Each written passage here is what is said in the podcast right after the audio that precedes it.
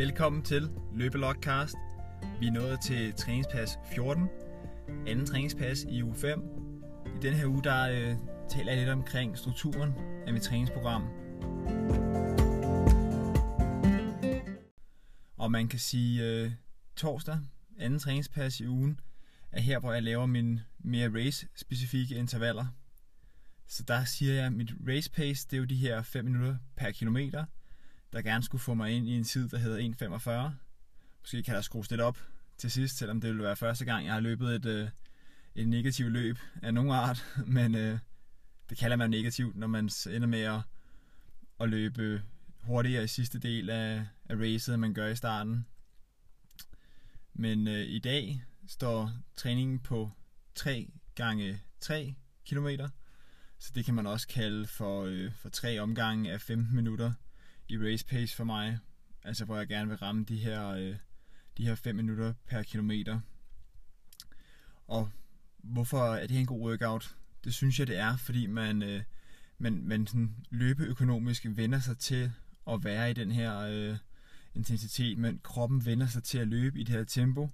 Mindsetmæssigt at øh, man, vender man sig mere til det også i længere tid ad gangen, og man får trænet, øh, man får trænet udholdenheden i en, øh, en høj intensitet, hvis det giver mening.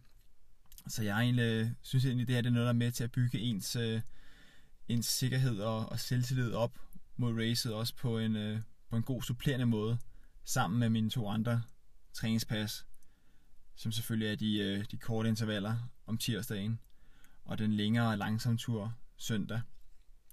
Men øh, dagen i dag er 3x3, 5 minutter per kilometer, jeg tager en tur rundt på min øh, gode gamle rute her, ude på Kallebod Fældet. Den er 8 km, så vi skal lige få den måske forlænget lidt i en ene og en anden retning. Jeg tænker, at vi rammer cirka 10 km i alt i dag. Sådan at vi har lige øh, 500 meters opvarmning og nedvarmning.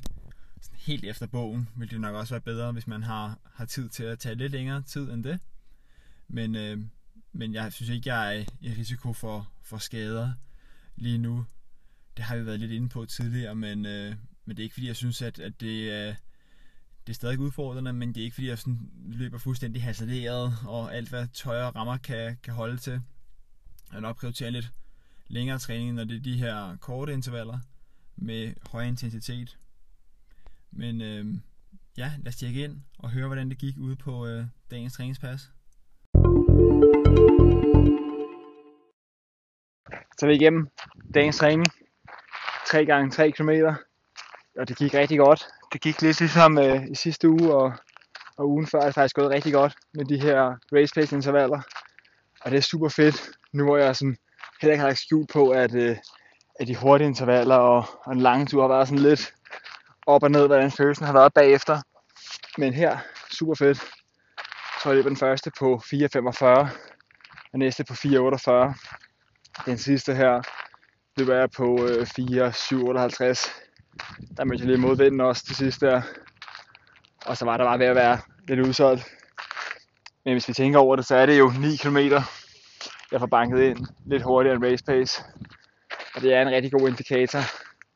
Altså jeg vil stadig have svært ved at løbe øh, et halvmarathon i 1.45, hvis det var søndag. Det har jeg ikke indtryk af, at jeg kunne nu.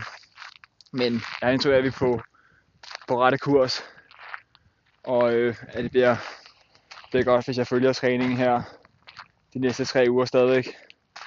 Så det var check in fra ruten i dag her.